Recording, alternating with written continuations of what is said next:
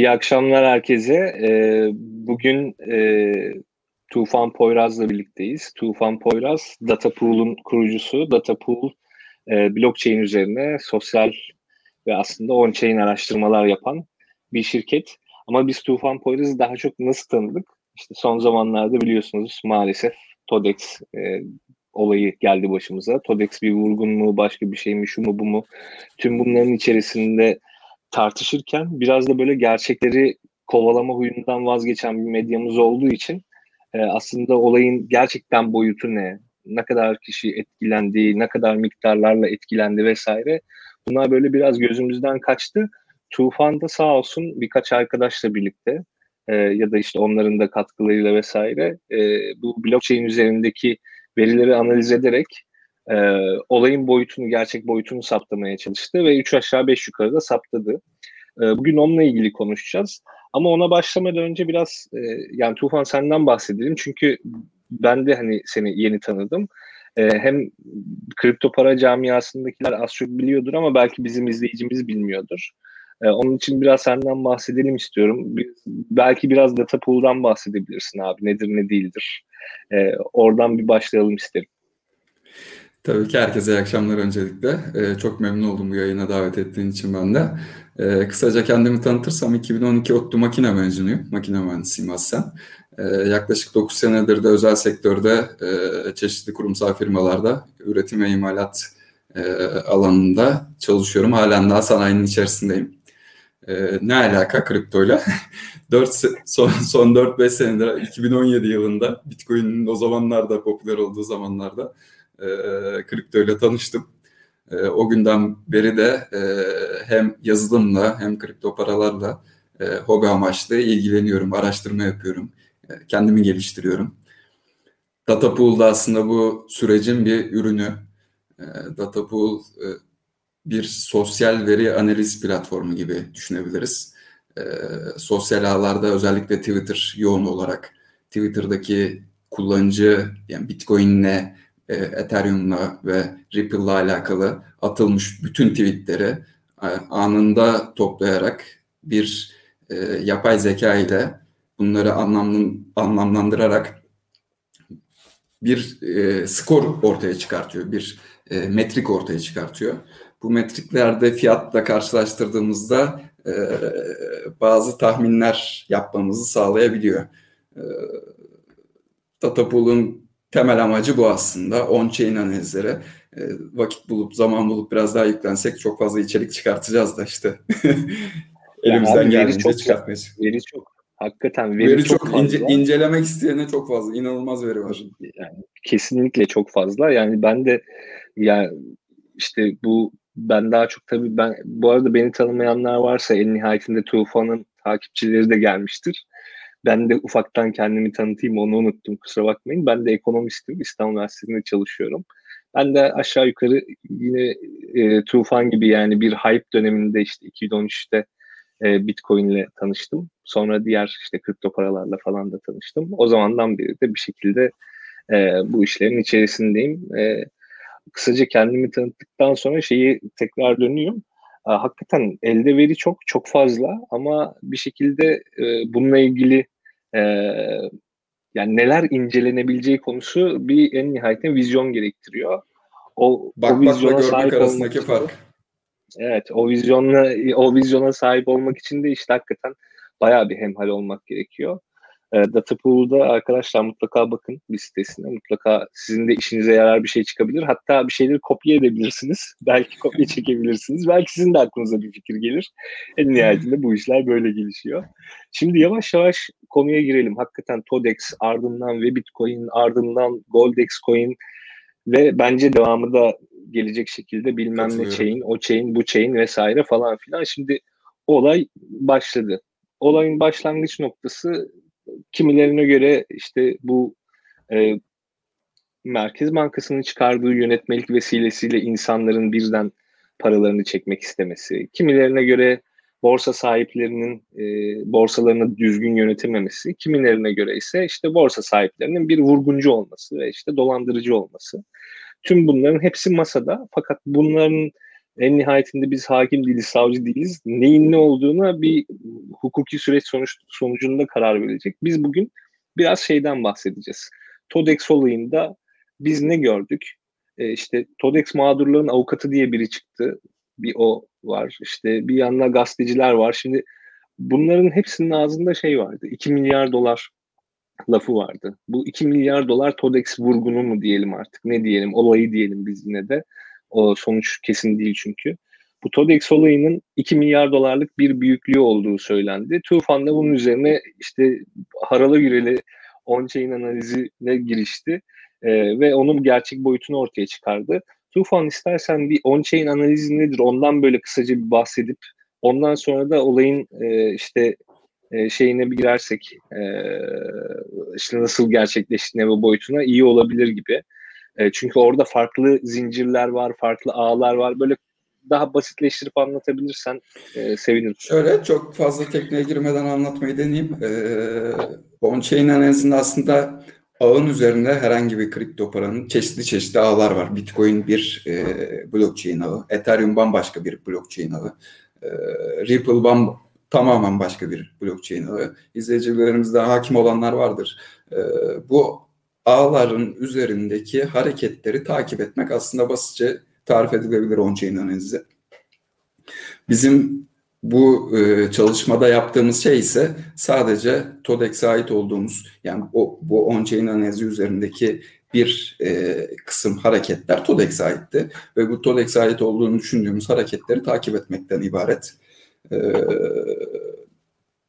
sadece transferleri takip ettik. Herhangi bir başka bir analiz yapmadık yani.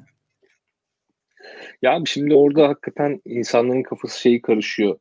Ee, şimdi bu çalışmayı yapmanın sebebini ben az çok tahmin edebiliyorum. Yani birazdan bahsedeceğim onu. Evet, on, ona geçeriz ama insanlar şeyi anlayamayabiliyor bazen. Ya işte borsadan hisse aldık ya, ya da işte coin aldık, şu oldu, bu oldu. O adres ne? Hani biz burada gizlilik amaçtı, esastı, şu bu falan filan. Bu takip edilebilirlik işi nereden çıktı diye insanlar düşünebiliyor. Orada Şöyle or, o, orada e, aslında IBAN e, herkesin bankalarda bir e, hesabı var ve bu hesaba ait bir tane IBAN var. E, siz o IBAN'ı yazdığınızda sizin kimliğiniz transfer yaparken gözüküyor. E, kripto paralarda ise sadece e, IBAN'ın yerine geçecek bir e, ne denir ona bir numara, bir şifre var. Cüzdanınıza ait olan bir şifre. Bunun kime ait olduğu bilinmiyor fakat bu cüzdanınıza ait numara herkes tarafından görülebiliyor. E, blockchain dediğiniz şey de aslında bir bakkal defteri. E, bu bakkal defterinde kişilere ait e, cüzdanların e, bulunmakta ve iki cüzdan arasındaki transferler e, transaction olarak e, bakkal defterlerine kayıt edilmekte. Dolayısıyla bu cüzdanlar açık ve seçik bir şekilde blockchain üzerinde e, görülebiliyor, takip edilebiliyor. Fakat sadece bunların kime ait olduğu bilinmiyor. Borsalarda ise durum tamamen farklı. Borsalar size bir cüzdan tanımlıyor. E, fakat içeride yaptığınız bütün işlemler borsanın cüzdanı içerisinde gerçekleşiyor. Yani siz hmm, nasıl tarif edeyim onu? Borsanın dan çıkarmadığınız sürece parayı aslında blockchain'e düşmüyor. İçeride Bitcoin'i 40 kere alıp satarsınız e, fakat cüzdan hareketlerinizde bir şey gözükmez. Çünkü o sadece borsaya ait e, bir cüzdan. E, yanlışsam düzelt. E, borsadan ta ki borsadan çıkardığınız zaman blockchain'in üzerinde bir işlem gerçekleşir ve siz bunu takip edebilirsiniz. Borsanın cüzdanını bilirseniz de borsaya giren bütün paraları ve çıkan bütün paraları da takip edebilirsiniz. Kullanıcılar borsaya para transferi yaptığında zaten biz bu çalışmaya başlarken e, çıkış yolumuz oydu e, kullanıcıların cüzdanlarını istedik. E, var olanlardan, ulaşılabilenlerden. O cüzdanlara para gönderdiğinizde veya çıkarttırdığınızda borsanın cüzdanını e, teşhis etmiş oluyorsunuz. Evet. Ya şimdi orada e, şöyle bir şey var değil mi? E, borsa herkes için unik cüzdanlar üretebiliyor. Ama kendi evet. ana cüzdanları farklı, belli. Tabii sıcak wallet, e, hot wallet, e, cold wallet hikayesi var. E, birazdan onun da detayını anlatırım istersen. Sıcak cüzdanlar sürekli kullanıcılar arasında işlem e, hareketi sık olan, meblası çok fazla olmayan cüzdanlar. Hı hı. Soğuk cüzdanlarda hareketin e, daha az olduğu fakat yüklü miktarda para tutulan e, hesaplar. Borsalar bunu güvenlik amaçlı e, yapıp kullanabiliyorlar, kullanmayanlar da var kullanmıyorlar işte. Tam da onu diyecektim. Adam borsadaki Binance'e gönderiyormuş el alemin parasını. Abi evet. Bu, bu, burada e, soğuk cüzdan olarak direkt başka bir borsayı kullanmışlar. E, giren bütün para başka borsaya gidiyor direkt. Evet Köprü arkadaşlar yani. şöyle bir şey var. Bu Cold Wallet olayı şu. Cold Wallet internete hiçbir şekilde bağlı olmayan işte aslında donanımsal diyeceğimiz hadi bir cüzdan tamam. Bu hacklenme riskine karşı olan bir şey. Çünkü en nihayetinde internete bağlı olan bir şey herhangi bir şey hacklenebilir yani. Kripto paranız da hacklenebilir. Borsalar da hani ellerindeki meblaların çok büyük bir kısmını soğuk cüzdanda tutuyor ve işte sıcak cüzdanda işte BTC Türk'ün mesela en son açıkladığı %3 gibi bir şeyden bahsediyordu. E, işte o transaction yani işlem günlük işlemlerde kullanılan yüzde üç yani saklama kısmı yüzde 97 yani düşünün normalde öyle olması lazım. Ama işte bu borsaların bazılarında Todex'te bu var mı bilmiyorum. Todex'te de anladığım kadarıyla var biraz. Ee, o kol yani soğuk cüzdan yerine gidip Binance borsası var işte bilirsiniz. Binance diye bir uluslararası kripto para borsası. Oraya gönderiyormuş adam paraları. Yani zaten güvenlik güvenlik hak getire yani. Onun için ee, yani evet, olay niyet, komik. Niyet direkt belli. Niyet olay... hakikaten belli. Biraz aslında bu iş bağıra bağıra gelmiş ama çok farkına varmamışız Tufan. Öyle geliyor bana. Yani biraz da böyle sanki bizim ekosistemin de bir ufak böyle gözünden kaçmış eksiklik vesaire gibi Şöyle görüyor. E, abi aslında kaçmadı. Ee, konu oraya gelmedi ama bahsedeyim. Biz muhabbet ekibiyle beraber e, e, muhabbet tracker diye bir şey yapmıştık. Aslında tamamen amacı buna yönelikti. E, fakat borsalardan hiçbir destek bulamadık. E, kendilerini ifşa etmek istemedi herhalde arkadaşlar. Hala daha bulamıyoruz bu arada e, diğer borsalardan. E, biz TODEX için yapmamıştık bu çalışmayı açıkçası. To, yani ilk Paribu ve e, BTC Türkiye'ye odaklandık. E, TODEX'te de birkaç tane kolay bulabileceğimiz işte e, Stellar gibi cüzdanlar hani onlar aşikar cüzdanlar Ripple gibi onları ekledik. E, Ethereum'larını ekledik ki aslında son gün e, kaçıştan önceki son gün holo transferini yakaladı muhabbet tracker e, büyük miktardaki. Fakat Bitcoin'leri becerebilseymişiz e, bu zamana kadar bu iş çoktan ayuka çıkarmış. Kesinlikle. yani. Yani ben zaten ya Aytunç'la da konuşmuştuk. Ee, bu arada Muhabbit diye bir kanal var arkadaşlar. Hem Discord kanalı var, hem web sitesi var, hem YouTube kanalı var. Muhabbet değil de Muhabbit. Onu da takip edebilirsiniz. Gerçekten süper içerikler üretiyorlar. Ee, Aytunç da işte oradaki arkadaşlardan biri bu muhabbet muhabbet tracker'ı yapan. Onu kaydet, onunla konuşmuştuk. Ya muhabbet tracker işte bu Tufan'ın aslında şu an neredeyse elle yaptığı diyebileceğimiz işlemi otomatik yapmaya yarayan bir araç işte. Yani orada e, transferleri nasıl ne şekilde ne kadar yapılmış vesaire onları ölçmeye yarıyor. Şimdi onların hepsini konuşuruz ama ben şeye bir geleyim. Abi bu 2 milyar dolar mevzusu şeyden çıktı değil mi ben yanlış e, hatırlamıyorsam. E, işte bu borsanın şu kadar kullanıcısı var, şu kadar para yatırmış. Onun esası nedir? Bir istersen şey Abi bir, bir onu duydum. Ee, ben tabii televizyon izlemediğim için çok geç Ben de e, ben de bu arada çok oraya. ee, Twitter'da arkadaşlar paylaştı. 2 milyar doları duydum. Böyle başımdan aşağı kaynar sular döküldü. Ee, saçma sapan bir rakam. Bir duyumuma göre az önce senin söylediğin gibi 700 e, bin kullanıcısı varmış e, borsanın ve kişi başına 3 bin dolar ortalama yatırım yapılıyormuş borsada. E, oradan bir 2 milyar dolara ulaşmışlar. Adam şeyi kaçırıyor. Borsaya e, 700 bin kullanıcısı olsa bile ki o kadar olduğunu da zannetmiyorum. E, 25 yaş altına geçenlerde şey kampanyası yaptılar. Hesap açan herkese Dogecoin e, verdiler. Hediye, hibe. 10, 10 TL'lik bir komik rakam. Zaten 300 bin kullanıcı oradan geldi adamlara. Yani adam o 10 TL'yi almak için geliyor oraya ki o kadar kullanıcısı varsa. Ondan sonra da 1 lira yatırım yapmıyor. Ben şeye gördüm e, Telegram'da mağdurların grupları var. Ya, Çocuğun bir tane şey yazmış. 4 TL mi kaybettim diye isyan ediyor orada. Mağdurların içine girmiş orada 4 TL için isyan ediyor. Öteki ya, bir şeyler orada yazıyor. şey de var. Ya orada trollemeye çalışanlar falan da var. Yazık yani milletin hakikaten parası gitmiş yani. Büyük para evet. kaybeden de var. Yani büyük para dediğimde hani gene işte en büyük duyduğum 200 bin liraydı. İşte geçen haberlerde birinin işte bir trilyon gibi bir şeyini duydum. Ama tabii 2 milyar doların yanına bile yaklaşamaz tüm bunlar. Ee, ama işte böyle şeyler duyduk yani bomba. Bu arada arkadaşlar borsa ismiyle hani şu borsa nasıl olur bu borsa nasıl olur diye sakın sormayın. Öyle bir şey zaten şu an hani söylenemez yani çok ayrıntılı incelemek lazım. Tufan bile bir yerde pes etti. Hani ERC20 cüzdanlarını inceledi bu Ethereum işte Tron ağını inceledi ama Be Bitcoin ağı biraz daha karmaşık. Hani onun tamamına bakmadın anladığım kadarıyla değil mi? Tufan? Bitcoin, hani Bitcoin işi koptu zaten. Biraz daha anlatırım onu da. Ee, Bitcoin'de bambaşka bir mevzuyla karşılaştık. Onu pes ettik bıraktık. Evet. 2 milyar dolara devam edelim istersen. Bir, bir duyumunda şey e, şuraya notunu almıştım. Çok komik gitti o da.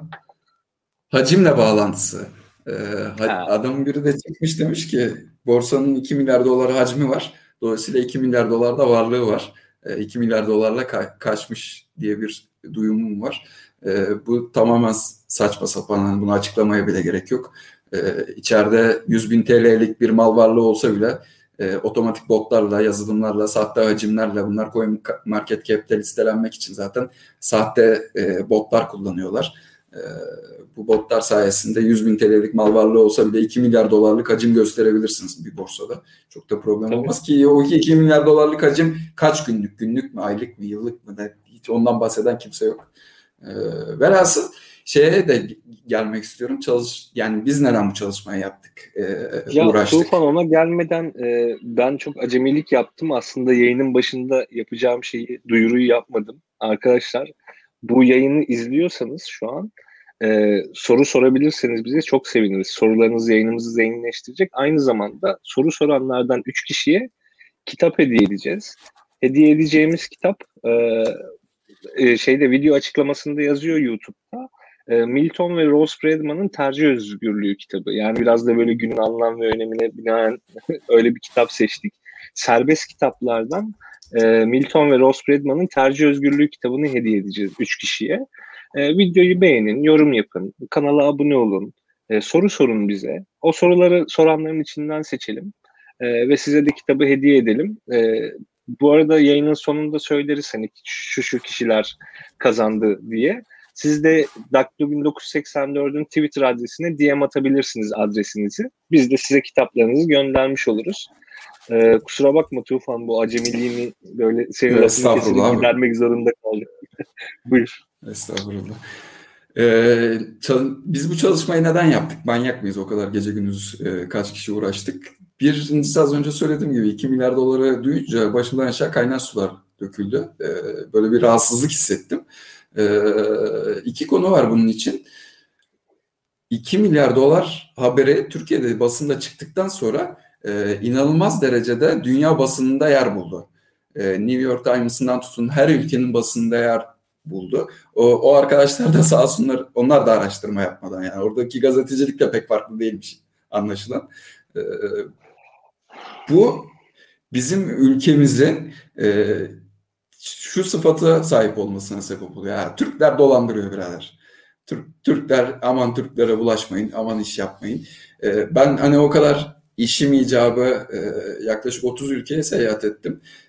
Bu tarz olayları yaşadığımız günlerde mesela zamanda terör olayları arttığında e, aman Türkiye'ye gelmeyin başımıza bir şey gelir mi? İşte dolandırıcılık olayları patladığında aman Türkiye'ye yatırım yapılmaz. E şimdi düşünsenize yabancı bir e, blockchain şirketi teknolojisi, borsası ne, neyse Türkiye'ye gelip yatırım yapmak istiyor. Türkiye'de bir pazara açılmak istiyor. E, bu tarz haberi gördükten sonra lan Türkler beni de dolandıracak deyip gelmemesi. Yani böyle bir, bir delinin attığı taşı e, 40 tane akıllı çıkarmaya çalıştık. Tam olarak da bunu yaptık. İkinci konu olayı kriptolarla bağladılar. Yani pa- kripto para birimlerine bağladılar. Kripto para dolandırıcılığı, kripto paralar evet. sizi dolandırıyor, kripto para kumar, k- kripto paraya bulaşmayın. Abi kripto paranın bir suçu yok. Kripto para e, alınıp satılan, takas edilen bir şey bir kuyumcu içindeki e, altınları alıp kaçtığında e, kuyumcu dolandırdığında altının suçu oluyor mu? Olmuyor. Aynı hesap. E, kripto paralar yani bu dolandırıcılık sebebinden dolayı şu an Türkiye'de kripto paralara karşı e, inanılmaz bir algı yaratıldı. Uzak durulması sağlanıyor. E, sokakta bitcoinci diye seni böyle artık mim, mimler o bitcoinci uzak durun. Bitcoin'den başına bir şey geldi. Senin de mi bitcoinlerin çalındı? E, tarzı muhabbetlerle karşılaşıyorsun. Abi bitcoin'in suçu yok. E, bunu temizlemeye çalışmamız diyeyim yani o, o sebeple başladık çalışmaya. Ya bence çok iyi olmuş çünkü şöyle bir şey var hakikaten dediğin çok doğru. Yani bir ya şimdi bu da son yönetmelikle de hafiften de şöyle bağlayayım. Ya son yönetmelik oldu. Ertesi gün sırf benim gördüğüm, tanıdığım üç tane şey e, girişimci işte kepenk indirdi. Tamam Ya zaten hani burada bazı şeyler zor. İşte bugün Kerem Tibu'nun bir tweet'i vardı mesela. Bu BTC Türk nasıl kuruldu, nasıl bugünlere geldi, ne zorluklar çekti, kapanmaması için ne uğraşlar verildi. Yani zaten Türkiye'de bu kripto para ekosisteminde iş yapabilmek bayağı zor. Ama şöyle bir şey de var. Yani müthiş de bir potansiyel var. Mesela şimdi ben İstanbul Üniversitesi'nde çalışıyorum. Şimdi İstanbul Üniversitesi'nde bir Blockchain Technology Center diye bir İstanbul BTC adında bir merkez kuruyoruz ve bir sürü merkez kuruldu aslında Türkiye'de ve hepsinde yazılımcı, iş geliştirmeci, bu işin teknik analisti, temel analisti, şusu, busu her şey yetişiyor artık. Ve bu insanlar dünya çapında iş yapabilecek hale gelecek bir süre sonra. Türkiye'nin fakat kendi özelinde hani yerel olarak da bir şeyler geliştirmesi lazım ki hani bir şekilde dünyaya açılan girişimleri olsun. Yoksa insan olarak dünyaya Aynen. açılmak daha kolay. Yani gidersin ne olacak? Sen de bir iş bulur bir yerde çalışırsın. Hollanda'da, Almanya'da bir yerde bir yerde. Ne olacak? İş bulmada bir şey yok. Ama burada hakikaten burada girişimini geliştirip burada o büyüklüğü yakalayıp onu sonra dünyaya açabilmek bambaşka bir olay ve tüm bu yaşanan şeyler üstüne basının bu pervasızlığı, üstüne devletin zaten bir sürü şeyi zorlaştırması hakikaten bu ekosistemin gelişmesinin önünde çok büyük bir engel oluyor ve ben inanılmaz üzülüyorum ya. O kadar yetenekli insanlar var ki hepimiz kaç yıldır piyasanın içerisindeyiz. Karşılaştığım Aynen öyle. insanlar burada. Yani çok şaşırtıcı ya. Ee, abi biraz şeye gidelim. Biraz böyle içimizi döktük. Çalışma ya araştırmanın detaylarından böyle hafif bahsedebilirsin belki. Hani e, bu işte başladığın neden başladığını anlattın. Sonrasında nasıl devam etti? Şimdi sen tek başına da değilsin. Tabii. E, az önce bahsettiğin gibi senin de e, ben de bu e, çok akıllı insanlarla, çok düzgün insanlarla karşılaştım. İlk başta bu 21 Nisan'dı yanlış hatırlamıyorsam. CEO yurt dışına çıktığını duyduktan sonra e, biz zaten şeyle e, Aytunç'la konuşuyorduk e, Twitter'da. Bu ilk bir bakımdayız yazısı yazdılar. Aha dedik bunlar şey paket yani 4-5 saçma yazının saçmalığından paket oldukları çok aşikardı. Ee, daha yani direkt bakımdayız yazsa kimse işkillenmeyecek yani bir yazı yazmış oraya adam demiş yani biz kaçtık. Ondan sonra yurt dışına da çıktığını gördükten sonra ben sabah 22 Nisan olması lazım. Ee, sabah girdim. Ethereum cüzdanlarını zaten biz muhabbet tracker'dan takip ediyorduk. Ee, baktım zaten direkt şeyler boşaltılmış komple. O sabah boşaltılmış bu arada yurt dışına çıktıktan sonra herif. 2 e, saat 3 saat sonra da ben paylaştım Twitter'dan. E, sonra Aytunç şey dedi ya Tufan dedi bir şey kursak mı? E, işte bir ekip kuralım bunları takip eder Test miyiz? Yardım, Test ya, yani yapar, böyle hemen bu, bu, bu işi yapar mısın dedi. Dedim abi sen istiyorsan okey e, yapalım. Bu arada hani e, muhabbetin kurucusu Aytun Hoca gerçekten sektörün içinde yıllardır bulunan çok tecrübeli, çok bilgili. E, hiçbir bugüne kadar şeyini duymadım. E, balon haber e, yani insanlara sadece e, kaliteli içerik sağlamaya çalışan çok düzgün bir insan. E, ben de olabildiğince destek olmaya çalışıyorum ona. O da sağ olsun bana çok destek oluyor. Biz ondan sonra bir ekip topladık. Yaklaşık 15-20 kişilik bir Telegram grubu oluşturduk hemen hızlıca. Ee, sonra ağları paylaştık e, biraz. E, Ethereum'dan başladık hani bildiğimiz yerden. Hemen onların transferlerini dizdik. Zaten bir ağın içerisine e, işte o ETH e, scanner ra girdiğinizde oraya cüzdanı yazdığınızda oradaki bütün transferleri görüyorsunuz. Bazı scannerlar, bazı ağlar size böyle geçmiş verileri CSV formatında veriyor. Transaction'ları kolayca e, download edebiliyorsunuz. Onu veren ağların takibi çok kolay oldu bizim için. Hemen download'umuzu yaptık. E, filtreleri koyduk cüzdan filtreleri. Bu, bu cüzdandan işte meblağı da yazdık. Yaklaşık 50 bin dolar üstündeki bütün transferleri takip ettik. Hani 50-100 bin dolar mertebesindeki. Ee, şu mentaliteyi güttük. Ee, son 3 ayda 50 e, ya da 100 bin dolar üzerindeki bütün transferlere borsanın dışına e, olan bütün transferleri filtreledik aslında. E, burada tabii şu soru muallakta kullanıcı transferi olamaz mı? Olabilir. Bunlar kullanıcı transferi de olabilir ama şunu düşündük. 50-100 bin dolar parası olan adamın Todex'te ne işi var? akıllı bir adamdır o adam diye. Bununla ilgili kaçırdıklarımız mutlaka olmuştur. Bunu da şeyden tolere ederiz diye bir e, düşüncemiz vardı. Bulamadığımız transfer, bulamadığımız bir transaction veya küçük meblağlarda kaçırdıysa bu da bunu örtüşür diye bir e, varsayımda bulunduk. E, mecburuz böyle hani blockchain tamam şeffaf da az önce e, detayına girdik. Hiçbir kullanıcının bilgisi yer almıyor borsaların cüzdanını varsaymak zorundayız. Binance'in cüzdanı zaten belli. Çoğu da Binance'e çıkıyor. İşte bor, ana borsaların cüzdanları e, BTC Türk Para bu Türkiye'dekilerin hepsinin e, blockchain üzerindeki cüzdanları belli. Dediğim gibi bu mentaliteyle bütün ağları tek tek taradık. Bazı ağlar size şey vermiyor. Bu geçmiş download'u vermiyor. Ee, orada da şeyleri e, bütün ağı gözle 3 e, ay geriye giderek böyle e, tek tek tarayarak içindeki o transferleri bulduk. E, Bitcoin'de çakılı kaldık mecbur. E, oraya gireyim istersen. Bitcoin'de arkadaşlar bir yazılım kullanmışlar. Zaten blockchain'de görünce şok oldum ilk defa gördüm. E, anonim, anonymity diye e, Türkçesi Gizlilik. Yani, anonimlik, gizlilik. anonimlik, yani. gizlilik aynen. Ee, bununla ilgili blockchain üzerinde bir e, kelimeler gördüm ki bu zamana kadar görmez görmemişsinizdir. Ee, bunu, bunu gördükten sonra şey bir kullanıcı Bitcoin'de şey çok zorladı bize. E, hot wallet ve cold wallet kullanmıyor olma, olmaları. E, öncesine yani ben 2019 yılına kadar Bitcoin'i takip ettim. E, 2019 yılından beri ee, eğer kullanıcılar dışarıya para çıkarmak istiyorsa yatıran kullanıcılardan kullanıcıdan kullanıcıya para göndererek çözmüşler. Bugüne kadar hiçbir borsa yapmıyor bu işi. Önce kullanıcı para yatırır, e, onu yaklaşık bir saat içinde kendi hot wallet'larına çekerler. E, başka bir kullanıcı da e, para çıkışı talep ettiğinde de o hot wallet'tan yani tek bir adresten veya bu hot wallet'ların sayısı çoğalabilir. 7-8 tane hot wallet çalışıyor olabilir aynı anda. Bir input hat voltu var. Bir de output hat voltu vardır. İnputlardan toplarlar.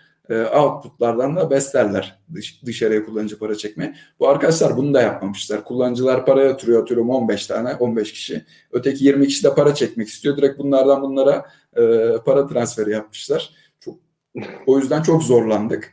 E, son aylara geldiğimizde de e, kullanıcılar sağ olsunlar şeylerini paylaştıklarında cüzdanlarını e, şey o ucuz birini takip ediyoruz. Gidiyor bu anonymity e, transferine çarpıyor.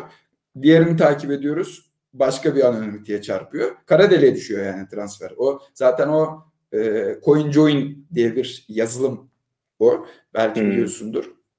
İnternetten aratırsa yani, arkadaşlar CoinJoin'in şeyini bu felsefesini çöz, e, anlarlar. Bir şeması var onun. Ee, Tornado Cash vesaire de var. Böyle evet, benzer, yapan.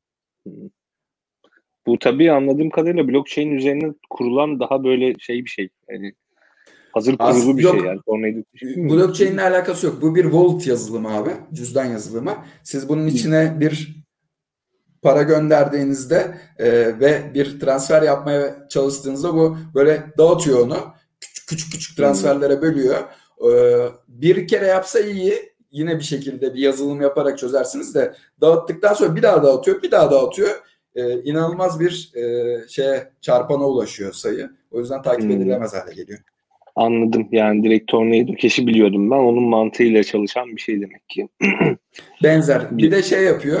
E, yani bizim 1000 BTC'ye nasıl ulaştığımız sorusu var. E, bu şey transferlerine e, az önce bahsettiğim kullanıcıdan kullanıcıya gö- gönderme transferlerine e, yaklaşık böyle 10 BTC 20 BTC ulaştıktan sonra e, bu transferleri yapıyorlar. Son 3 aydaki taradığımız transferler yani onarlı 20'şerle onarlı 20'şerle bu şeyin içine düşüyor. E, anonimitinin içine düşüyor transferler. Oradan bir basit bir hesap yaparak ulaştık. 1000 BTC'de yanılıyor olabilir miyiz? Olabiliriz. E, ama eminim gazetecilerden daha az yanılıyoruzdur. Ya biz zaten mevzu o. Şimdi sizin bulduğunuz büyüklük tam olarak ne kadar? Ya tam olarak demeyeyim de tahmini. Toplam 150 milyon dolar gibi bir tahminimiz var. Ben maksimum olduğunu düşünüyorum. 200 milyon dolara çıkar mı çıkmaz. Ama kesinlikle 2 milyar dolar değil yani. Ya değil. Ya bu ilk işler başladığında ben şöyle bir düşündüm. Şimdi on-chainer'lere falan filan hiçbir şeyine bakmadım tabii. Ya düşündüm 2 milyar dolar yani şeyle kıyasladım. İşte şirketin e, işte bakıyorum tamam mı işte sizin sonra yazdıklarınız ufak ufak düşmeye başladı.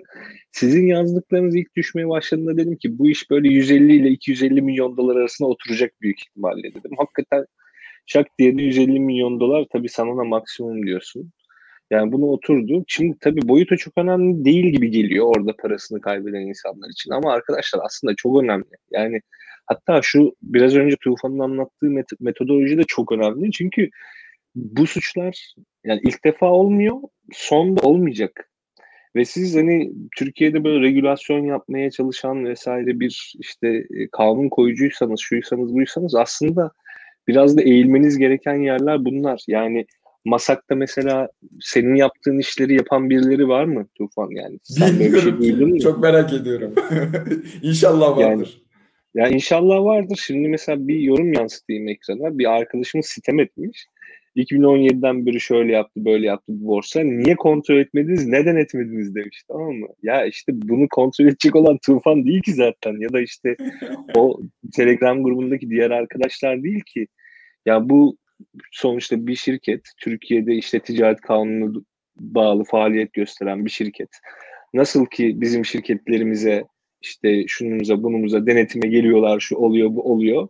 Bunlara da denetime gitmişlerdir herhalde. E, bu işten anlayan birilerinin gitmesi lazımdı demek ki. Demek ki bu işten anlayan hiç kimse gitmemiş. Muhasebe defterini karıştırıp gelmişler. Yani işin esasına hiç kimse dahil olmamış. Büyük ihtimal vakıfta olmadıkları için dahil olmamışlar. Şimdi ya biraz işte önce insanlar pardon abi vakıf olsun Yok. diye herkes birbirini e, yırtınıyor. Vakıf olmak istemiyorlar arkadaşlar. Yani bir şekilde son zamanlarda gördüğümüz yasaklayıp kurtulmak mı istiyorlar, ne yapmak istiyorlar çözemedim. Yani onu hakikaten ben de şöyle çözemedim. Aslında çözebiliyorum. Yani yasaklamak istedikleri kesin.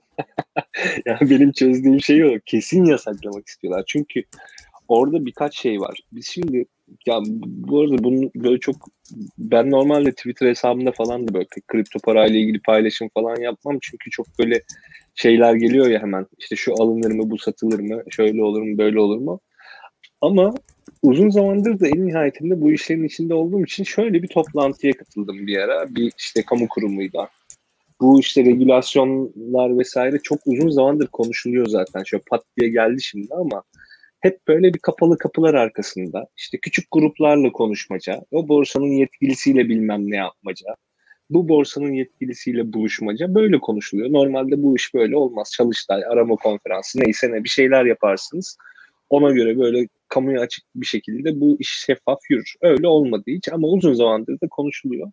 Ben de şöyle bir toplantıya katılmıştım. İşte bu borsalar ne olacak, şudur, budur, bunlar borsa mıdır, değil midir falan derken Orada işte bir kamu görevlisi de vardı aslında bu işte bilgili böyle gene yani kripto paralar üzerine doktora yapmaya göndermişler bir yere. Geri dönmüş vesaire bu alanda çalışan biriydi. Yani orada bizim ekibin önerdiği şey şuydu. Aslında sizin yaptığınız işlemi kolaylaştıran bir şeydi ve sonradan ben tabii fark ettim ki bu öneriyi herkes yapıyor. Çünkü aklın yolu bir yani. Ya kardeşim siz bunlardan Türk lirası şeyi alacağınıza e, ne derler? Ee, yok sermaye gerekliliği şu su bu su hadi gene onu da yap hani bir miktar yap sorun değil de esasen şeyi yapsan ya bu adamın cüzdanı hangisi nasıl hareketler oluyor var mı yani bunun Abi, biz, biz, bize onu verse yetecek. Tabii. Ya biz zaten bunu önerdik. Dedik ki ya bu işlemler şey değil. Yani çok kolay takip edilebilen bir şey. Hani sizin Yani nasıl işte bir tek tuşla işte hangi bankada ne hareket olmuş görüyorsunuz. Ya bu borsadaki hareketleri de görebilirsiniz. Yani şahıs şahıs görmenize gerek yok. Zaten önemli olan ne? Sen birinci katmandan ilk başta bir sorumlusun. Hani regülasyonu yapan kurum olarak. Senin sorumlu olduğun şey önce borsa milleti dolandırmasın. Yoksa borsanın içinde kara para aklayan şu bu o ikinci katman. Ondan ikinci başka katman. kurumlar o suç işliyorsa onu zaten adli bir olay. Onun şeyi başka tamam mı? O onun düzenlemesi, kanunu vırsızlığı başla. Sen regülasyonu başta düzgün kur. Sen önce borsaları bilmem neleri takip et. Bu alanda çalışacak fintech şirketlerine ön aç. Açılmıyor çünkü millet ne yapacağını bilmiyor. Kafası kesik tavuk gibi dolaşıyor tamam mı? E ne oldu şimdi? Birileri cesaret etti, şirket kurdu. Ertesi gün kapısına kilit vurmak zorunda kaldı yani. Öyle saçma bir düzenleme geldi ki.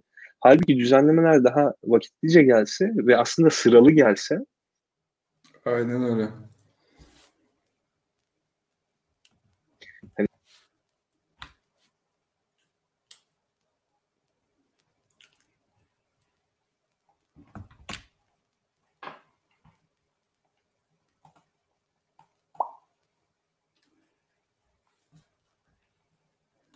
Senin mikrofonun kapalı.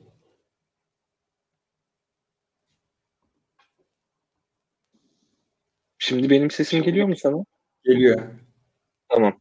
Ee, ben de ben de her... var da seninki kapanmış.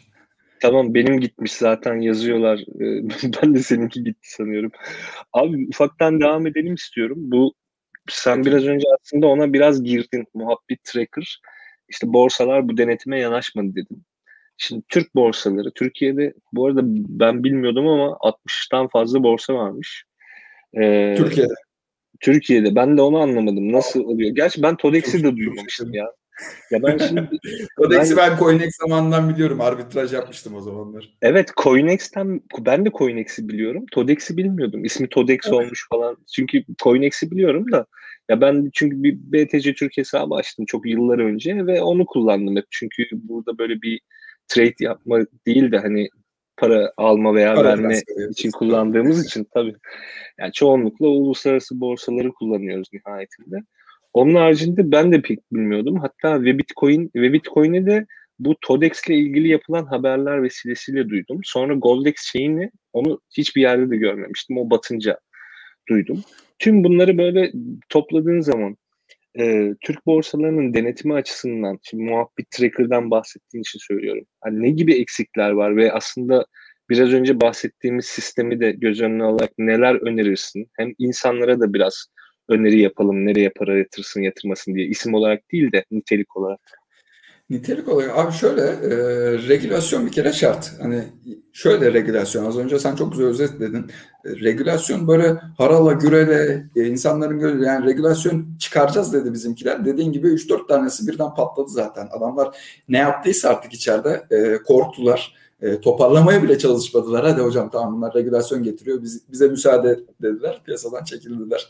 E, regülasyon çok yine e, tekrar edeceğim seni ama e, step step olması lazım. E, bir ilk başta Bismillah bir şeyi yap önce. E, adamların bir cüzdanlarını bir al.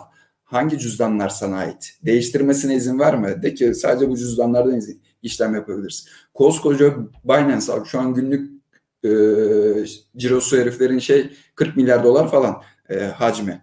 E, yanlış hatırlamıyorsam dün bakmıştım günlük 40 milyar dolar işlem yapan adamın iki tane e, şeyi var. E, BTC hot wallet'ı var. Belli. Yani şimdi bu adam bir hot wallet'ını piyasaya yayınlamış. Bütün dünya görüyor da sen e, affedersin küçücük e, Türk borsasında hot wallet'ını niye gizliyorsun? E, gizlemenin sana ne faydası var? Açık olmanın ne zararı var? Açık olunca ha güvenlik şef veremiyoruz. Biz istedik bunları BTC Türk'ten de istedik. Veremiyoruz dediler. Güvenlik sebebiyle veremiyoruz. Binance'inki güvensiz mi şimdi? İki tane upload var. Gelin içinde e, ortalama 5000 civarında BTC var şu an. E, adamlar günde binlerce transfer yapıyorlar aynı cüzdan üzerinden. Dolayısıyla ya bu, ilk yapılması gereken şey e, cüzdanları almak sen de dediğin gibi. Buyur abi. Şeyi hemen söyleyeyim. Bu şeye benziyor. E, işte açık geçen öyle bir olay olmuştu orada duydum. ha, şey bu BIP ile ilgili BIP WhatsApp o güvenlik meselelerinde şey olmuştu. Ee, BIP'in işte genel müdürü, Türkcell'in genel müdürü çıktı dedi ki işte biz açık kaynak kodlu yani kaynağımızı açamıyoruz. Kodumuzun kaynağını açamıyoruz çünkü güvenlik problemi yaratıyor falan gibi bir şey demişti. yani halbuki güvenlik problemi yaratmayacak bir şey arkadaşlar. Şimdi ayrıntısına girmeyeyim ama güvenlik problemi yaratmaz tamam mı? Açık kaynak kodu vesaire.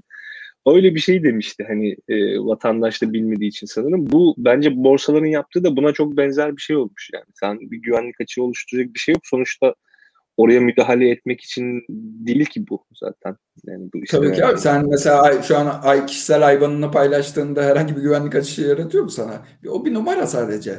Üzerindeki transferlerini görebildiğin e, cüzdanın numarasını e, paylaş ve o cüzdanını değiştirme. Sadece o cüzdanda e, işlem yap diye devlet bunları alacak. Bunları e, nasıl söyleyeyim bir yasayla ne, ne bileyim bir kurallar zinciriyle e, onları oraya kıstırması gerekiyor. Eğer biz o cüzdanları bilirsek zaten o cüzdanları muhabbet tracker gibi çok basit uygulamalarla e, şey yapabilir, takip edebilirsiniz. O herhangi bir mesela e, Todex'te son aylarda Ethereum bitmiş. Yani belli azalmış bir sıfıra çıkıyor biraz yükseliyor. Şimdi burası azalması demek eğer senin işlem hacmin fazlaysa az önceki e, şey hikayesi sahte işlem yaptığın belli. Şimdi işlem hacmin belli, içerideki mal belli. E, o arasında bir korelasyon varsa zaten borsa sağlıklı çalışıyor demek oluyor. Ama içerideki mal çok az, işlem hacmi çok fazlaysa bir dolap dönüyor demek oluyor.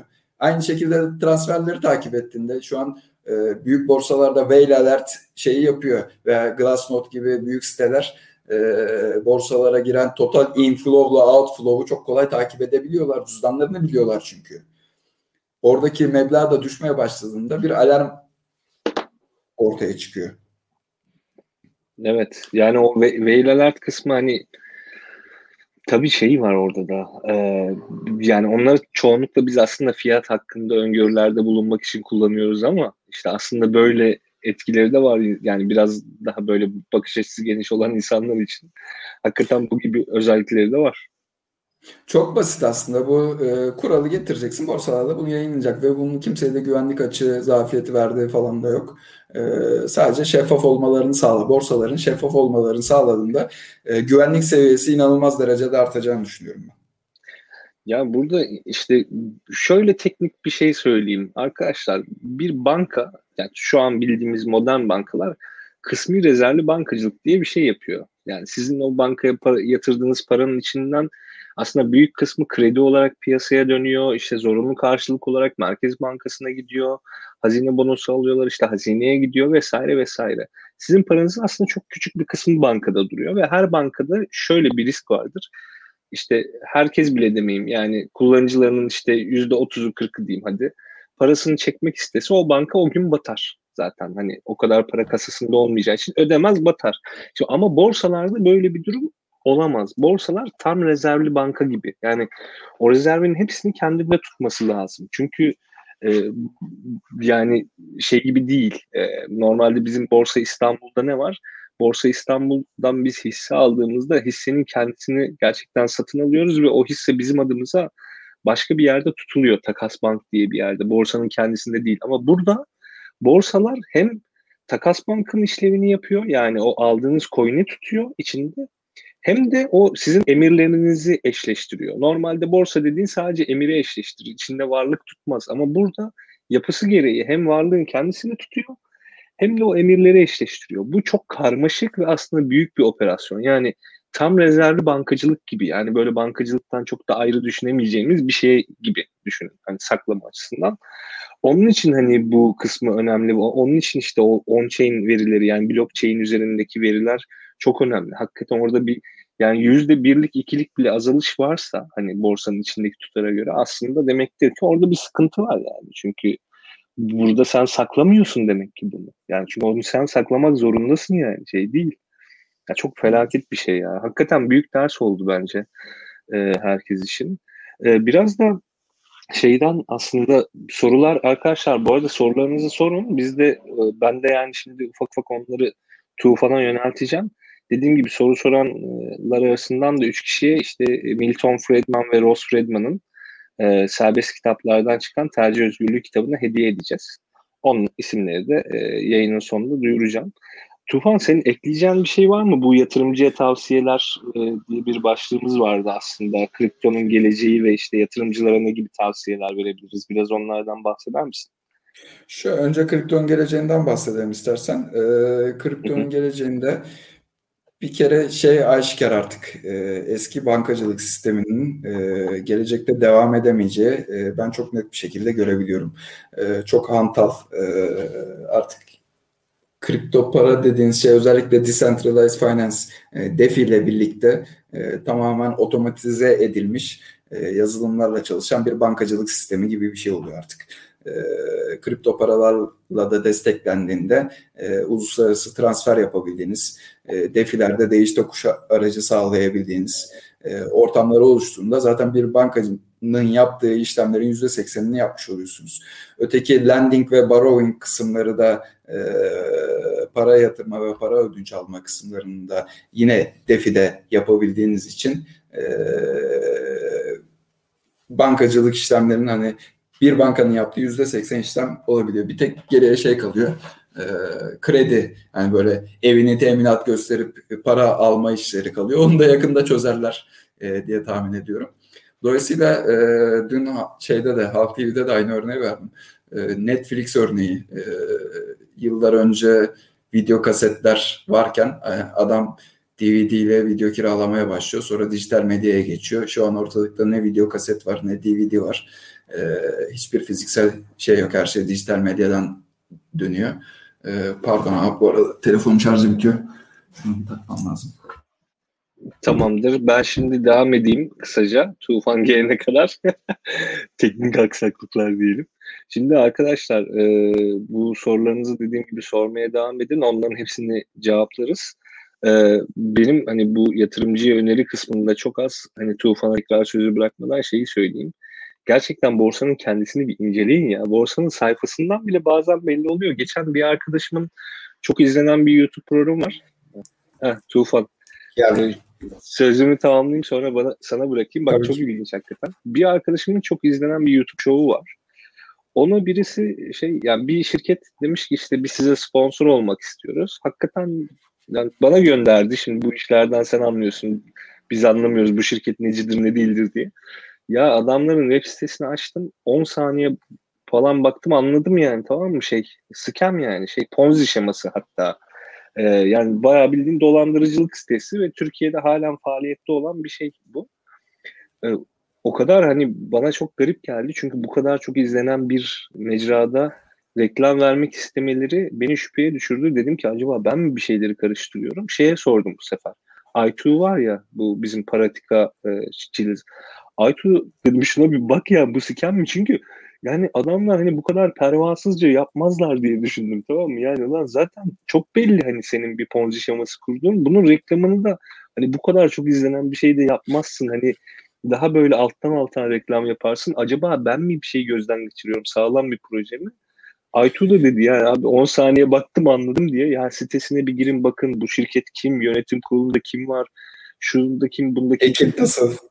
Ekip nasıl yani bu adamlar sonuçta insan bunlar bizim gibi yani Twitter'da hesapları oluyor, LinkedIn'de hesapları oluyor. Hani girin bir bakın hani bunlar sağlam insan mı, gerçek insan mı? Tamam mı?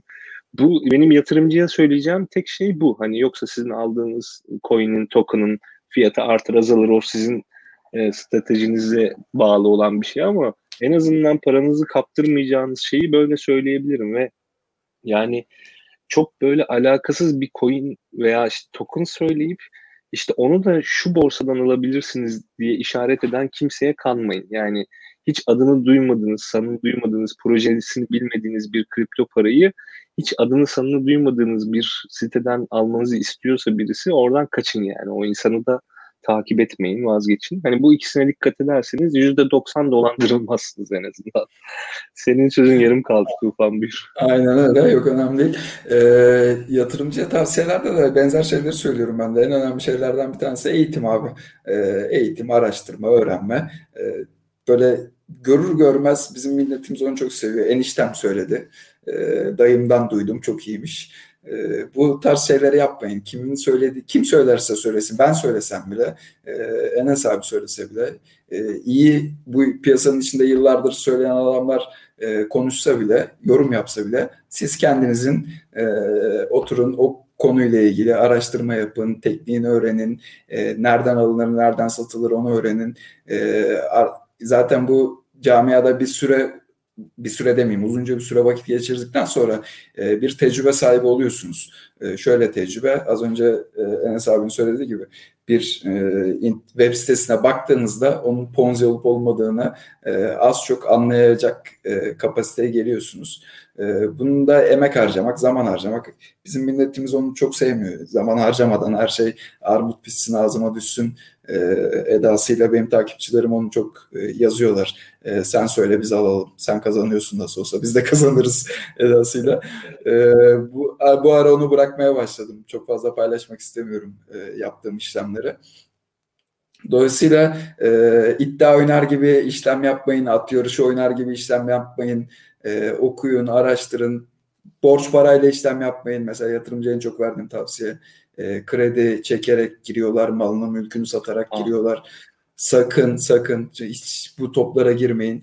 Elinizde her zaman söylüyorum bana kızıyorlar e, çöpe atabileceğiniz bir miktar varsa yani bugün kenarda 5000 TL'niz var ve yarın kalktığınızda bu olmadığı zaman üzülmem dediğiniz e, 5000 TL olur, 100 TL olur, 50 bin TL olur. Hangi paraya üzülmüyorsanız o kadar parayı bu piyasada kullanabilirsiniz. Ben şahsen işlemlerimin %90'ını e, ilk 10 belki ilk 20'deki coinlere de yaparım. E, çok da düşük miktarlarda e, mal varlığımın %5'i, %2'si, %3'ünde e, abuk subuk coinlerde biraz heyecan ararım. O bende de var. Ama dediğim gibi bu bir strateji e, ve şey yapmıyor olmanız lazım. Hani 2x o şeyde bizim Türkiye'de çok popüler Holo, e, CHZ, e, Dent coinler 20 katına çıktı abi. 20 katına çıktı. Ben 1000 koyayım buradan 20 katına çıksın. E, çıkar çıkmaz değil. Şimdi dalga alan var ama 1000 kişi de 2 kişi alabiliyordur o 20 katını. E, geri kalan 900, 999 kişi kaybediyor. E, hiç o riske atmaya gerek yok. E, sakin sakin BTC, Ethereum e, yani ilk ondaki coinler biraz daha böyle haber akışlarına e, dünyadaki e, genel medyanın Twitter'ın haber akışlarını takip ettiğinizde biraz daha kolay hissedilebilir hareketleri diyeyim diğerlerine göre. Spekülatif coinlerden uzak durmak lazım. Ya şöyle o heyecan kısmı hakikaten önemli. Bir yerde hani trade yapıyorsanız ki ben mesela bana soranlara hep açık yüreklilikle söylerim. Ben trader değilim yapamıyorum çünkü. Yani benim psikolojim bunu kaldırmıyor. Önce bir kendinizi tanıyın hakikaten. Yani ben trade yapamıyorum arkadaşlar. Yani ben bu bilgisayarın karşısında oturup soğukkanlılıkla o verileri değerlendirip teknik analizden vesaire falan anlamadığımdan değil. Yani bunların hepsinin analizini de yapıyorum ama yapamıyorum. Psikolojim kaldırmıyor. Bakın hakikaten çelik gibi sinir olması lazım insanda bu e, trade yapmak için. Yani tabii hani ben de yapıyorum da benim yaptığım gibi günde 3-5 işlem değil. Yani bayağı bilgisayarın başında oturup çatır çatır trade yapmak için çelik gibi sinir lazım.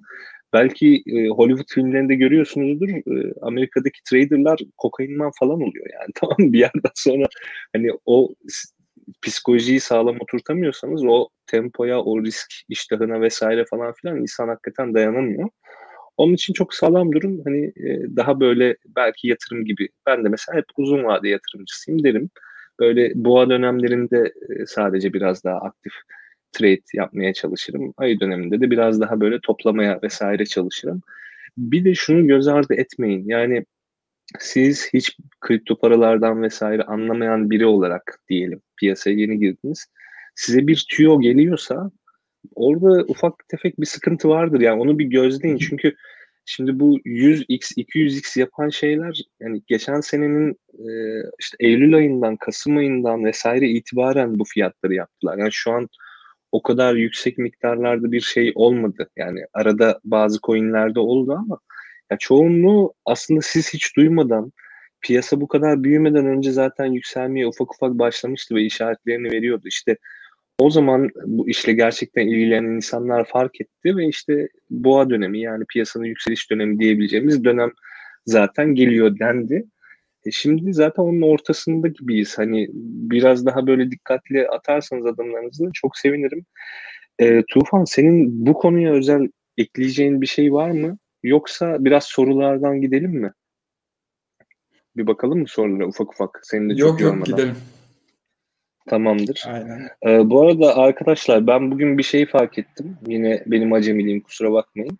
Sanırım e, bu YouTube'daki canlı sohbet belli bir yere kadar gösteriyor. Yani mesela siz yayının ilk dakikasında bir soru sorduysanız şu an biz onu göremiyoruz. Ee, onun için e, yani sondan başlayacağım böyle soruları cevaplamaya. Sondan e, gideceğiz yani. Şimdi bakalım neler var. Arada yorum da yansıtayım. Mesela borsayı öğrenmek için para kaybetmeniz lazım. Para kaybetmeden öğrenilmez. Çoğu zaman geçerli ama geçerli olmadığı yerde var. Hı, Emine Hanım bir şey sormuş. Uzun vadeli alayım iki sene sonra bakarım dersek soğuk cüzdan mı kullanmak lazım? Sence? Kesinlikle. Soğuk cüzdan için ayrıntılı bir, bir ya bilgi almak isterseniz onun için ayrıntılı yayınlar var arkadaşlar. Biraz böyle YouTube'da karıştırın. Bir şeyler var ama yine de o kadarıyla yetinmeyin. O çünkü çok karmaşık bir işlem aslında. Soğuk cüzdan kullanmak biraz böyle hmm, ya en az bir 10-15 saatlik bence bir şey lazım ona. Hani ufak tefek eğitim gibi bir şey lazım evet. soğuk cüzdan kullanmak için. ona böyle hemen dalmayın. Ee, Cem şirketle ilgili bir şey sormuş. Data Pool. Bu arada soruları okuyorum arkadaşlar. Siz ekranda görüyorsunuz ama sonradan bu program podcast olarak yayınlanacak. Onun için okumak zorundayım. Podcast olarak dinleyenler de anlasın diye. Data Pool spekülatif coinleri takip edip değerlendirmek için birebir değil mi? Birebir mi? Yani kullanılabilir. Data her yerde kullanılabilir. Orada da kullanılabilir. Denemedim hiç ama e, hangi spekülatif yani binlerce spekülatif var. Bir de o spekülatif bir kere oluyor geçiyor. E, mesela Dent şimdi 20 katına çıktı gitti şimdi o kadar yazılım yapacağız bir kere yakaladıktan sonra pek mümkün değil bence. Ee, Sözcan bir şey sormuş. Coin transferlerinde network farklılığı ledger'a nasıl işleniyor? Farklı ledger'lar mı var aynı coin için demiş. Yani orada biraz aslında blockchain'ler den bir ufak bahsedersen iyi olabilir belki. İnsanlar çünkü blockchain deyince tek bir yani teknoloji değil de o zincirin kendisini anlıyor galiba. Ondan bir ufak bahsedebilir misin?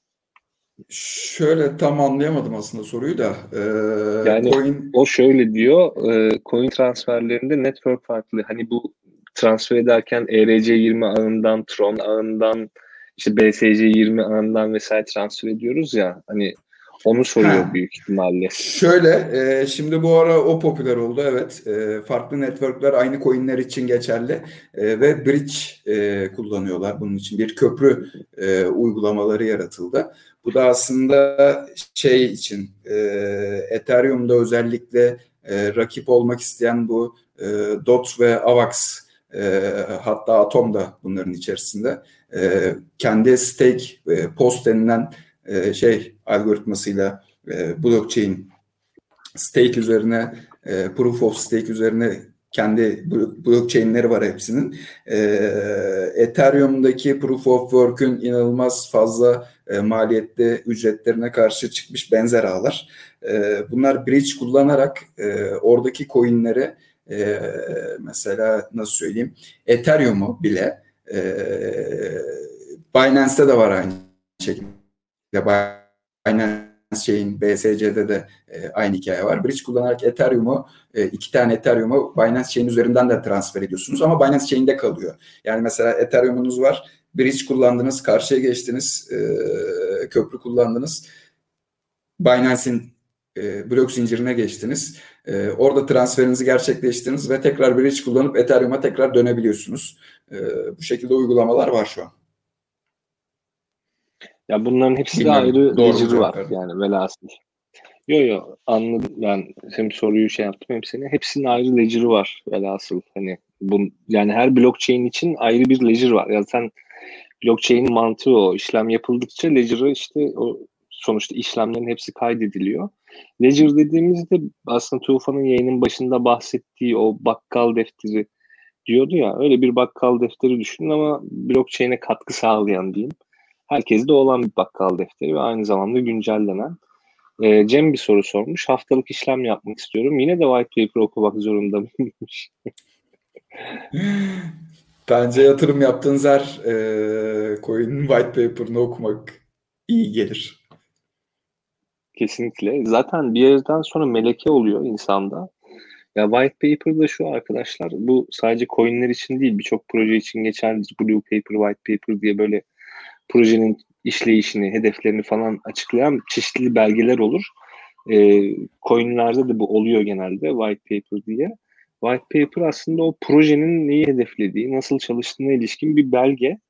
E, ve bir yerden sonra çok fazla white paper okuyunca hangisinin kolpa, hangisinin çakma, işte hangisinin daha iyi dizayn edilmiş falan olduğunu anlayabiliyorsunuz. O bir meleke Yazım hataları olan white paper'lar var ya.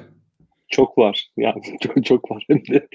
yani onun için ben white paper okuyun derim. Yani sizi o alanda geliştirir yani sonuçta çok rahat anlayabilirsiniz. Yani bir varlığın manipülasyon nedeniyle mi yükseliyor yoksa gerçekten bir projesi mi var? Uzun vadeli yatırım yapıyorsanız özellikle mantıklı. Ee, Papara muhabbetleri geçmiş. Papara evet artık şeyden kaldırıldı diyeyim. Yani paparayla transfer yapamayacaksınız artık borsalara veya borsalardan. Yasak hemşerim. Evet o artık yasak arkadaşlar. Batu bir şey yazmış. Ee, ve Bitcoin'inki yerinde coinlerde soğuk cüzdanda ifadesinde de var demiş ve Bitcoin'inki. Sadece 68 milyon nakit fakat durum uygun. Ya tam anlayamadığım şeyi ama diyor ki ve Bitcoin'in sahibi anladığım kadarıyla e, soğuk cüzdanda tutuyorum ben bunu demiş. ifade vermiş böyle. E, 68 milyon nakit demiş. Todex, Masak ne yapıyor sizce? Diyelim. Yani Masak tüm bu olayların karşısında ne yapıyor? Sana ulaşan falan oldu mu Tuğra, Tufan bu arada? Yok. Ya normal normalde bu bence yani bence ulaşırlar ki umarım ulaşırlar. Normalde bu tarz işlerde yani işin profesyonellerinden destek almak her zaman şeyi güçlendirir o yapıları. Yani Masak da eğer bu tarz uzmanlar çalıştırmıyorsa yani bence şey diye umut ediyorum. Ya çalıştırmıyorsa da şey yani illa seni çalıştırmalarına da gerek yok. Destek alabilirler sonuçta yani. Tabii ki. ee, Emine Hanım paralar geri alınabilir mi demiş. Bu sorunun cevabı sanırım açık ama yine de Tufan bir ufak nedeniyle birlikte açıklayabilir misin alınıp alınmayacağını? Şöyle e, Binance yani özellikle BTC'de coinlerin yaklaşık 6 aydır süredir Binance'da tutuldu. E, adamın soğuk cüzdan olarak Binance'i kullandığını e, gördüğümüz için e, zannediyorum ki kaçma operasyonuna kadar onu çoktan nakite çevirmiştir. E, bir de Binance hani nakite çevirmek istediğinizde gerçekten hızlı bir borsa. Ee, özellikle SEPA'da, Avrupa'da, Avrupa'da yapabildiğini zannetmiyorum da çok hızlı bir şekilde e, withdraw'u gerçekleştirdiğinizde 1-2 saatte e, sizin Avrupa'daki banka hesabınıza para yatıyor. E, öteki şeylere papara gibi birçok para transfer fintechleri kullanıyor e, yurt dışında. Edwash vardı en son gördüm mesela. Bu tarz yerlere parayı çektikten sonra o paranın artık cash'te izini sürmek çok mümkün olacağını zannetmiyorum. Ee, eğer cash'e de döndüyse zaten bu saatten sonra geri alınacak ortada bir şey yok. Yani işte orada e, esas sıkıntı şey hakikaten nakite döndü mü? Yani bir fiyat paraya döndü mü dönmedi mi? Çünkü öyle olursa işte şeyler de var bu arada arkadaşlar yani vergi cennetleri falan var biliyorsunuzdur. İşte Cebeli Tarık, Malta şu hani bir sürü yer var Avrupa'da da var. Buralarda şeyler de var işte Bitvala vesaire vardı işte e, yani hem coin tutan hem fiyat para tutan banka gibi diyebileceğimiz işte çeşitli yerler vardı. Size debit kart veriyor mesela. E, yani hesap kartı veriyor. Oralara falan da aktarmış olabilir. E, oradan pek yani geri dönüşü olur mu bilmiyorum. Ya ama sonuçta e, şey var. Çok zor. E, yani bir umut etmek istiyorsanız bence çok böyle umutla beklemeyin. Hani e, daha sonra da çok daha fazla üzülmeyin. Sadece bu umarım hani çok büyük paralar kaybetmiş kaybetmemişsinizdir ve hani bu sadece size işte şey olur. Bir deneyim olarak yansır diyeyim e, ve geçeyim. Ee, bu arada şu konu önemli yani bize hani ne kadar şey söylemek düşer de bakın bir de bu kadar şöyle Ezgi Yavuz sormuş. Bir de bu kadar bariz niyeti bozmuş bir sitenin sporluğunun sponsorluğunu yapan Erkan Öz çok bilgili biri. Bu nasıl oluyor? Çok garip değil mi? Erkan Öz bir ekonomist, finansçı. Ee, onun da YouTube kanalına sponsor olmuş Todex. Hatta Erkan Öz de sonra da açıklama yaptı. Ben de bir miktar para kaybettim vesaire dedi. Şimdi biraz önce aslında senin anlattıklarına da bağlantılandırarak, bağlantırarak Tufan hani çok bilgili birileri dahi yani bir şekilde bu borsada para kaptırabiliyorsa bu durum garip mi değil mi? Bun, buna sebep olan şey nedir? Yani Todex aslında e, Tode, Todex gerçekten profesyonel e, hazırlamış tezgahı. E, yani şahsen ben de Todex'i e, Coinex zamanından kullandım. Todex zamanından da kullandım. E, ilk açıldığı sıralarda e, dediğim gibi arbitraj yaparken kullandım. En son yaptığımda yanlış hatırlamıyorsam 2020'nin sonlarına doğru e, bir ETC arbitrajı yapmıştım. E, parayı dört gün falan alamadım oradan. Ondan sonra listeden çıkardım ben Todex'i. Yani özellikle arbitraj yapıyorsam ve para dört gün içeride bekliyorsa zaten bir kıymeti kalmıyor. E, bu sebeple çıkardım kurtulmuşum. Ama dediğim gibi Todex'i kullanıcı arayüzü, web sitesi e, ve aslına bakarsan eski 2017-2018'den kalma bir borsa. E, çok anlamak mümkün değil. Yani er, Erkan Öz'e açıkçası çok suç bulmuyorum ben. E, parayı veren düdüğü çalar hesabı. Hani sitede aşırı bir absürtlük yok. Adama da muhtemelen yüklü miktarda para verdiyse bir reklam yüzü ol, olmuştur. Yani reklam yüzü oldu mu olmadı mı onu bilmiyorum ama Erkan Üzüm dediği şey YouTube kanalıma sponsor oldular dedi. Ya sonuçta reklamdır bu yani. Reklam olduğu belliyse bunda bir sıkıntı yok yani. Hani reklam olduğu bir şeyin belliyse bir sıkıntı yok. Ee, ha şey Cem şey demiş Enes sigara içebilirsin. Nevşin yok uyu demiş. Nevşin yayınında bir sigarayla yakalanmıştım da ondan bahsediyor. Ee, Enes Hocam Todex olayından sonra İsmail Gümüş sormuş. Sizce BTC Türk, Bitfinex gibi yerli borsalar hot ve cold wallet'larını paylaşırlar mı? Bitfinex yerli değil ama yani bunlar paylaşırlar mı artık Tufan? Yani bu onlara da bir aslında ders olur mu? Yani ne yaparlar sence?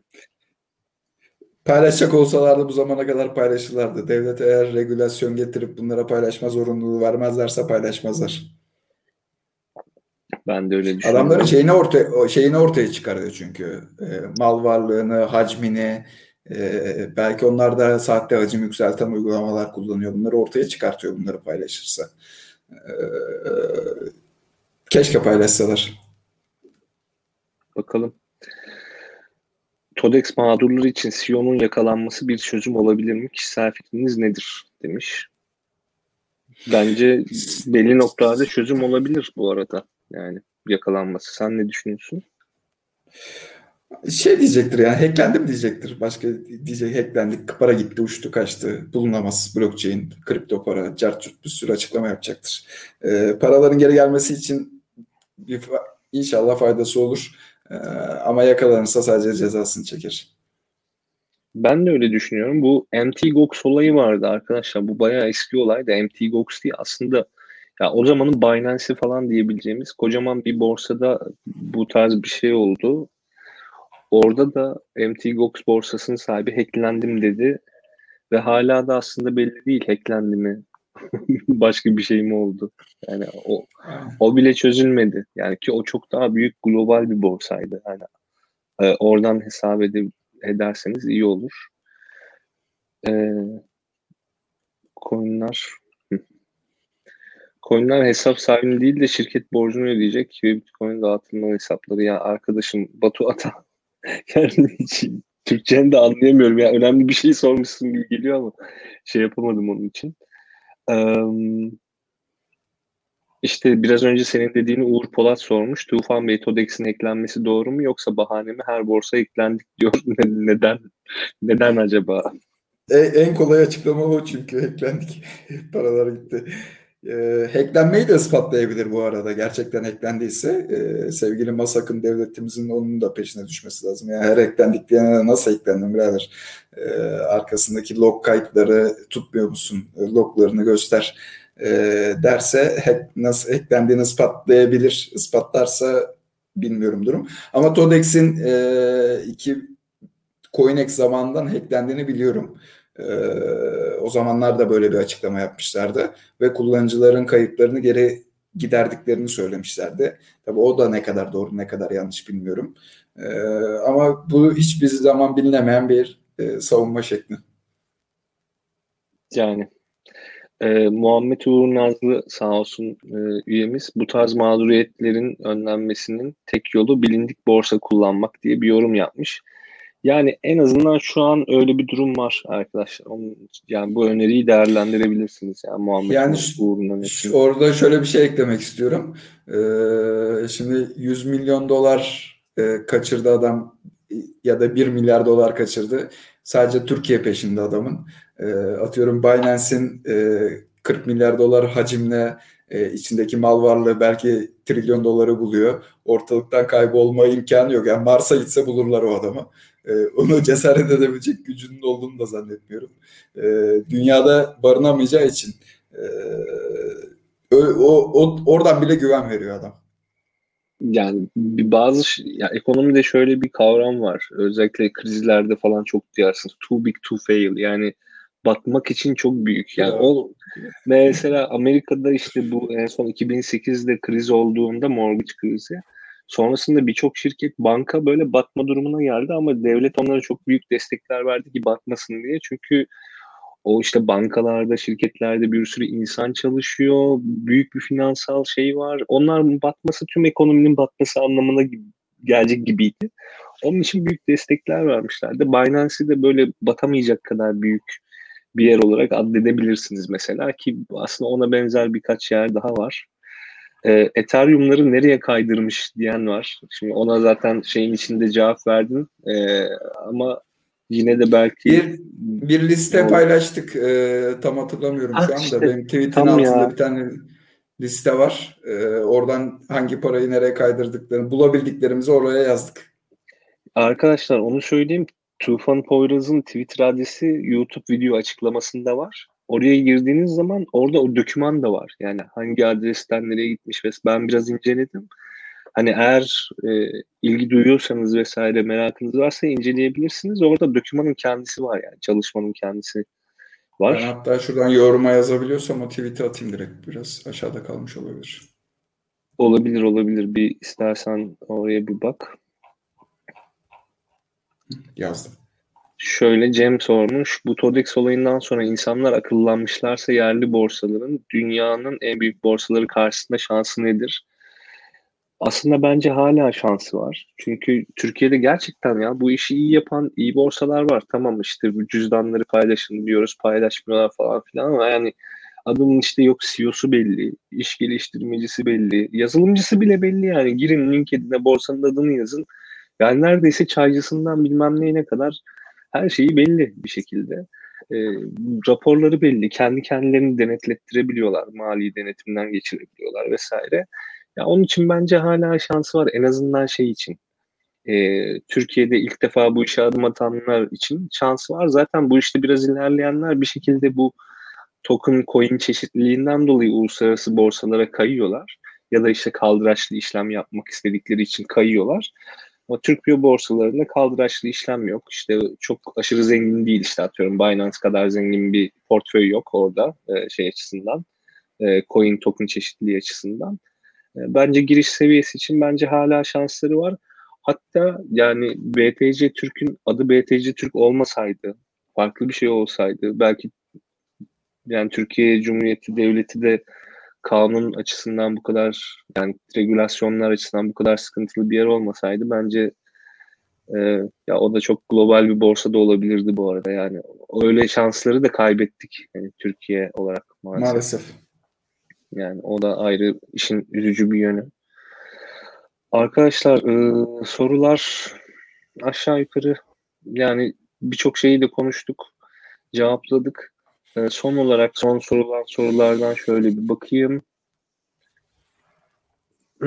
Şu konu önemli. Bunu da cevaplayalım. Ondan sonra da e, yavaş yavaş kapatalım istiyorum. E, Serhat Selim sormuş. TODEX'i devlet devralıp bu işi kendi üstlenebilir mi? Böyle bir iddia okumuştum. Çok mu abartı demiş. Sen ne düşünüyorsun? Ya az önce bahsettiğimiz gibi e, coin şeyleri elindeki mal varlıklarını keşe döndüyse devlet devrası içi boş kasasını devraldıktan sonra çok bir şey yapamaz. E, olay orada bitiyor. Adamın elinde coinler duruyor mu durmuyor mu? Binance, Binance el koydu mu koymadı mı? Bu işin ana e, en önemli şeyi e, şahiti şu an Binance. Binance'le bir şekilde ilişkileri nasıl sevgili devletin bilmiyorum ama e, oturup bu adamın bütün işlem geçmişlerini bir şekilde çıkartmaları lazım oradan. Evet, o açıdan zor. Ee, senin ekleyeceğin bir şey var mı? Tufan yavaş yavaş kapatalım mı? Hmm, kapatalım. Çok e, güzel bir sohbet oldu. E, elimizden geldiğince, dilim döndüğünce ben yardımcı olmaya çalıştım. Sorulara da cevap verdik. Çok teşekkür ederim e, tekrar bu yayını yaptığın için. Ben de sana çok teşekkür ederim e, katıldığın için. Ben de çok bilgilendim. E, yani yorumlardan anladığım kadarıyla da herkes de çok aslında bilgilendi ve şey oldu. Bence memnun oldu gibi. E, bu arada seni daha iyi tanımak isteyenler var. Tufan'ın arkadaşlar Twitter adresi dediğim gibi YouTube e, videosunun altında açıklamalarda var.